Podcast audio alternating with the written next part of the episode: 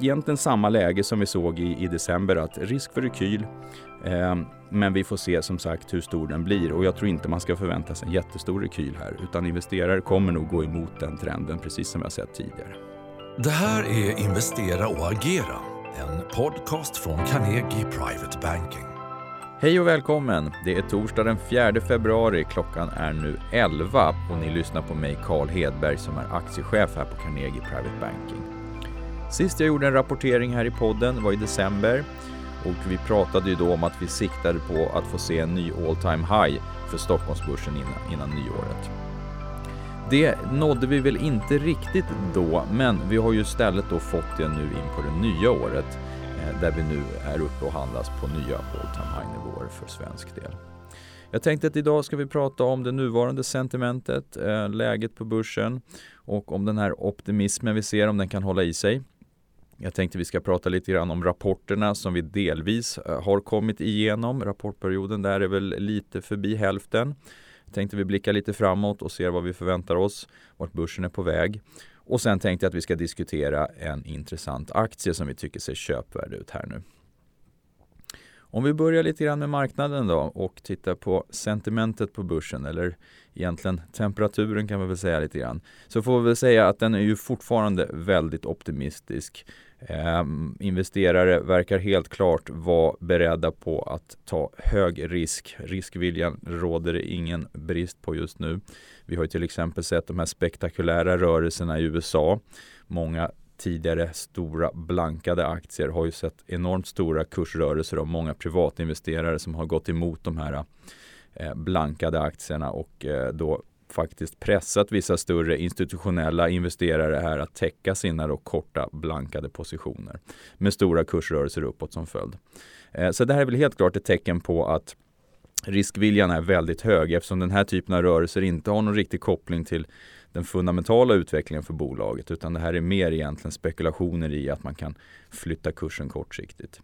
Eh, och för svensk del och eh, för nordisk del så har vi sett enormt stora rörelser på uppsidan i, i framförallt de här tillväxtsektorerna. Ta till exempel den här cleantech-branschen eh, som det finns många bolag i som än så länge är i ganska tidigt skede och inte gör några större vinster än så länge men mer förhoppningar om att det kommer bli stora vinster framöver.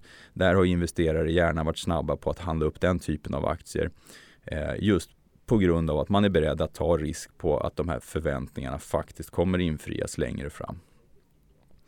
Och vi har ju även sett det här mönstret som vi har sett här egentligen under senaste får vi säga senaste åren här och det är att investerare går emot rekyler. Och det här blir ju nästan snabbare och snabbare. Rekylerna blir ju kortare och kortare. I vissa fall så känns det som att de håller en förmiddag bara innan det vänds till, till eh, uppgångar och köpare kommer in igen. Så att man ser ju helt klart eh, rekyler som köplägen snarare som att det skulle vara en risk då att det skulle starta några större nedgångar. Eh, vi tittar ju även på rapporterna som har kommit så kan vi titta på Avanza och Nordnets rapporter och där kan man ju också konstatera att effekten av det här stora intresset och den höga riskviljan, ja, det är ju att det har ju exploderat i antalet nya kunder som har öppnat depåer och antalet affärer är ju enormt mycket större nu än vad det har varit för motsvarande perioder och för föregående år. Så att helt klart ett tecken på en stark trend i marknaden och en hög riskvilja hos investerare. Ytterligare ett tecken på det här, ja men det är det stora transaktionsflödet vi ser nu. Eh, vi har ju här på Carnegie tror jag ett 20-tal börsintroduktioner att se fram emot här under eh, kommande, kommande halvår. Så att här kan man prata med sin rådgivare på Carnegie om man är intresserad av att vara med och se vad som kommer här under, under kommande månader.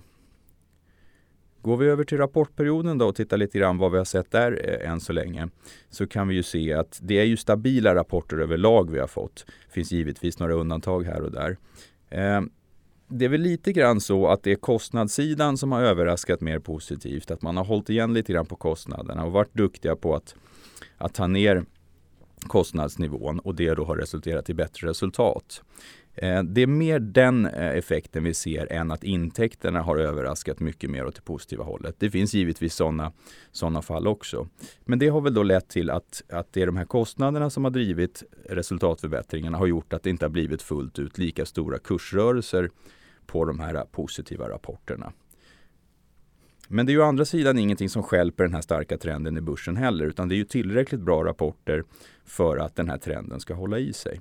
Så att vi får väl se nu vad återstående bolag rapporterar om det är någonting som kan förändra det där. Men det ser inte ut som att det skulle vara någonting som, som ser annorlunda ut för, för de bolagen. Så att min gissning är att det fortsätter att komma in bra rapporter överlag då och att det i sig fortsätter att, att ge lite bränsle till den här ändå börsoptimismen vi ser.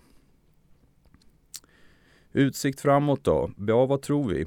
Ja, vi har ju pratat tidigare om en risk för rekyl och jag tror att det fortfarande gäller i princip på samma sätt. Eh, jag tror man ska förvänta sig lite mer volatilitet här för de kommande veckorna. Vi har ju sett nu här senaste veckorna att eh, det har varit lite, lite skakigare. Vi har haft faktiskt ett par enskilda dagar där det har varit lite större nedgångar. Framförallt om vi tittar på den amerikanska marknaden. Eh, och det här tror jag vi kommer se lite grann nu när, när vi fortsätter mot slutet av rapportperioden. Och vi har ju också lite andra faktorer som påverkar det här. Vi har ju sen, egentligen sen i december lite nya nedstängningar. Och det här finns väl ett frågetecken om hur, hur mycket kommer det här påverka Q1-resultaten för bolagen? Om det blir ett hack i den här återhämtningstakten som vi har sett då sen, sen egentligen i våras. Sen kan man ju även tänka sig att förseningar i vaccinutrullningen skulle kunna vara ett litet frågetecken som sätter lite lite, lite mm, griller i huvudet på investerarna och man kan tänka sig att det här då skulle kunna också förskjuta den här återhämtningen. Och sen har vi då givetvis risken då för att muterade virus också skulle påverka det här negativt. Så att det finns ju några sådana kortsiktiga risker då som, som vi tycker talar för att det skulle kunna finnas en kortare rekyl i korten här. Eh, så att eh, egentligen samma läge som vi såg i, i december att risk för rekyl. Eh, men vi får se som sagt hur stor den blir och jag tror inte man ska förvänta sig en jättestor rekyl här utan investerare kommer nog gå emot den trenden precis som vi har sett tidigare. Och eh, hur ska man då agera utifrån det här? Ja, om man delar upp det lite grann i olika eh, perspektiv så tycker jag, om vi tittar på det korta då, ja men då är, är vi inne i det här scenariot att vi tror att det finns en förhöjd risk för en rekyl. Och då tycker jag utifrån det scenariot så ska man ju då öka kassan, sälja av en del innehav som har gått väldigt starkt och man kanske tycker att det finns en mer begränsad potential i närtid då helt enkelt. Så det är väl det för, för de investerarna som vill vara allra mest kortsiktiga. Är man istället då lite, lite mera eh, ja, ska säga riskvillig så behöver man kanske inte öka kassan utan då kan man istället se över om man ska ta hem lite grann vinster i de här mer tillväxtorienterade bolagen som har haft en stark utveckling och istället då vikta om till mer defensiva bolag så att man egentligen behåller sin aktievikt men att man kanske tar ner lite grann risknivån på bolagen för att då kunna växla tillbaks det här vid en eventuell rekyl. På medellång sikt istället, ja men då tycker jag då, då har vi fortfarande bra stöd för aktiemarknaden här. Och vi har ju sett mönstret med investerare som går emot de här kortsiktiga nedställen. Så det tror jag kommer fortsätta gälla. Så att medellång sikt tycker jag man äger aktier men man kan se över innehaven. Jag tror att det här året kommer präglas mer av en stockpicking-miljö än vad vi har sett tidigare. Vi har ju, det, vi har ju pratat om att det var, varit stockpicking-miljö tidigare också, men jag tror att det kommer bli än mer tydligt det här året. Och då får man väl titta på de här mest högst värderade bolagen och då göra en bedömning av är det rimliga värderingar eller har, har den här börsoptimismen sprungit lite väl långt i vissa fall. Sen kan det ju faktiskt finnas bolag då där det är motiverat med höga värderingar och det är ju oftast då för att det finns en väldigt hög förväntad vinsttillväxt i de här bolagen. Ett sådant exempel kan ju också vara bolag då som har en, en hög takt av förvärv så att man växer snabbt på det sättet. Det, det kan motivera höga värderingar. Och på, på lite längre sikt då, på, på lång sikt så får vi säga att det är fortfarande aktier man ska ha i en stor del av sin portfölj. Då. Och där är det egentligen stödet av låga räntor, det stora likviditetstillskottet som har förts in i det finansiella systemet och så länge vi fortfarande ser förväntningar på stigande vinster och en återhämtning för bolaget för 2021 och, och även in i 2022 så kommer ju det ge stöd för aktiemarknaden utifrån vad vi vet just nu. Så att det tycker jag talar för att man långsiktigt ska äga aktier. Och tittar vi då vidare lite grann mer bolagsspecifikt så tycker jag det finns en intressant aktie som passar in lite grann på det vi letar efter bland våra köpkandidater just nu. Eh, och där tycker jag aktien Bufab är en intressant eh, kandidat. Eh, och Bufab är ett bolag som säljer det man kallar C-parts egentligen då skruvar, muttrar, brickor och sprintrar och liknande eh, produkter för tillverkningsindustrin så att man är en underleverantör där. Eh, och det som är lite intressant med det här, ja, det är ju att den här typen av produkter är ju dels ganska billiga i sig, eh, men själva kostnaden för produkten är ganska liten då för, för kunden som köper det här. Större delen av kostnaden, man brukar prata ungefär att 20% av kostnaden är själva produkten och resterande del det är egentligen sånt som hör ihop med logistik eller administration kring inköpen och lite kvalitetskostnader, till exempel att det kan bli produktionsstopp om de inte riktigt uppfyller kvalitetskraven. Eh, och det här gör ju det intressant för, då för större industribolag att söka en leverantör som kan säkra den här kvaliteten och se till att leveranserna kommer i rätt tid. Så att man inte behöver hålla på med det här själv för varje enskild produkt utan att man har en underleverantör som tar ett helhetsansvar. Eh, och det här har vi också sett nu under rapportperioden att många bolag har ju pratat om det man kallar då supply chain constraints, alltså att man har svårt att få leveranser av insatsvaror. Eh, och det här är ju då någonting som faktiskt kan spela Bufab i händerna. För att kan de då visa på att man är en, en bra partner som kan leverera det här, dels i tid men med god kvalitet, så löser man ju ett stort problem för de här större industribolagen. Så att det här tror vi kommer gynna deras organiska tillväxtmöjligheter här eh, än mer under det här året. Och sen kommer vi då till den här möjligheten att växa lite snabbare än den underliggande marknaden. Och det är just då via förvärv. Eh, här har vi sett att Bufab historiskt sett har adderat ungefär 8% på vinsten årligen via förvärv. Att man förvärvar små bolag som är då inne på den här marknaden att leverera den här typen av produkter. Eh, för 2020 så vart faktiskt eh, vinsttillväxten via förvärv 17% Så att vi tror man kommer fortsätta vara väldigt aktiv på det här spåret. Och värderingsmässigt på aktien, även om kursen har rört sig uppåt väldigt mycket här under 2020 från botten i mars, så tycker vi inte att bolagets potential för kommande år riktigt reflekteras i de här kursnivåerna.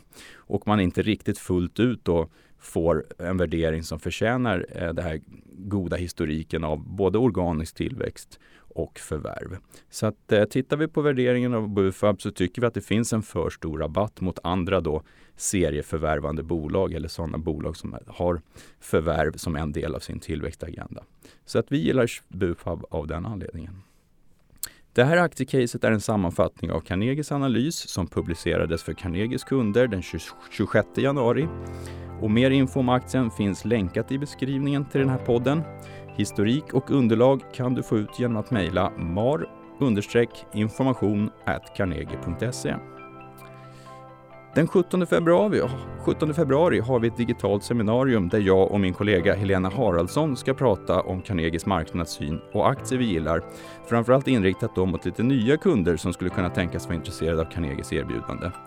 Eh, och där kommer du dessutom som deltagare få en inblick i hur vi jobbar med förmögenhetsförvaltning på Carnegie Private Banking. Och du kan anmäla dig till det här seminariet via carnegie.se privatebanking. Tack för att du har lyssnat!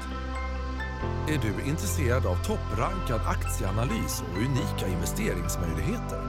Gå in på carnegie.se privatebanking och lär dig mer om vad du får som private banking-kund hos oss.